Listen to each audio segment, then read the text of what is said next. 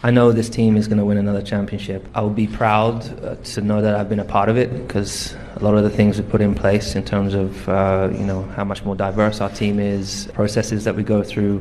I will, in the long haul, always be a part of that process and that development that this team has gone through. But um, I'm really looking forward to that new challenge.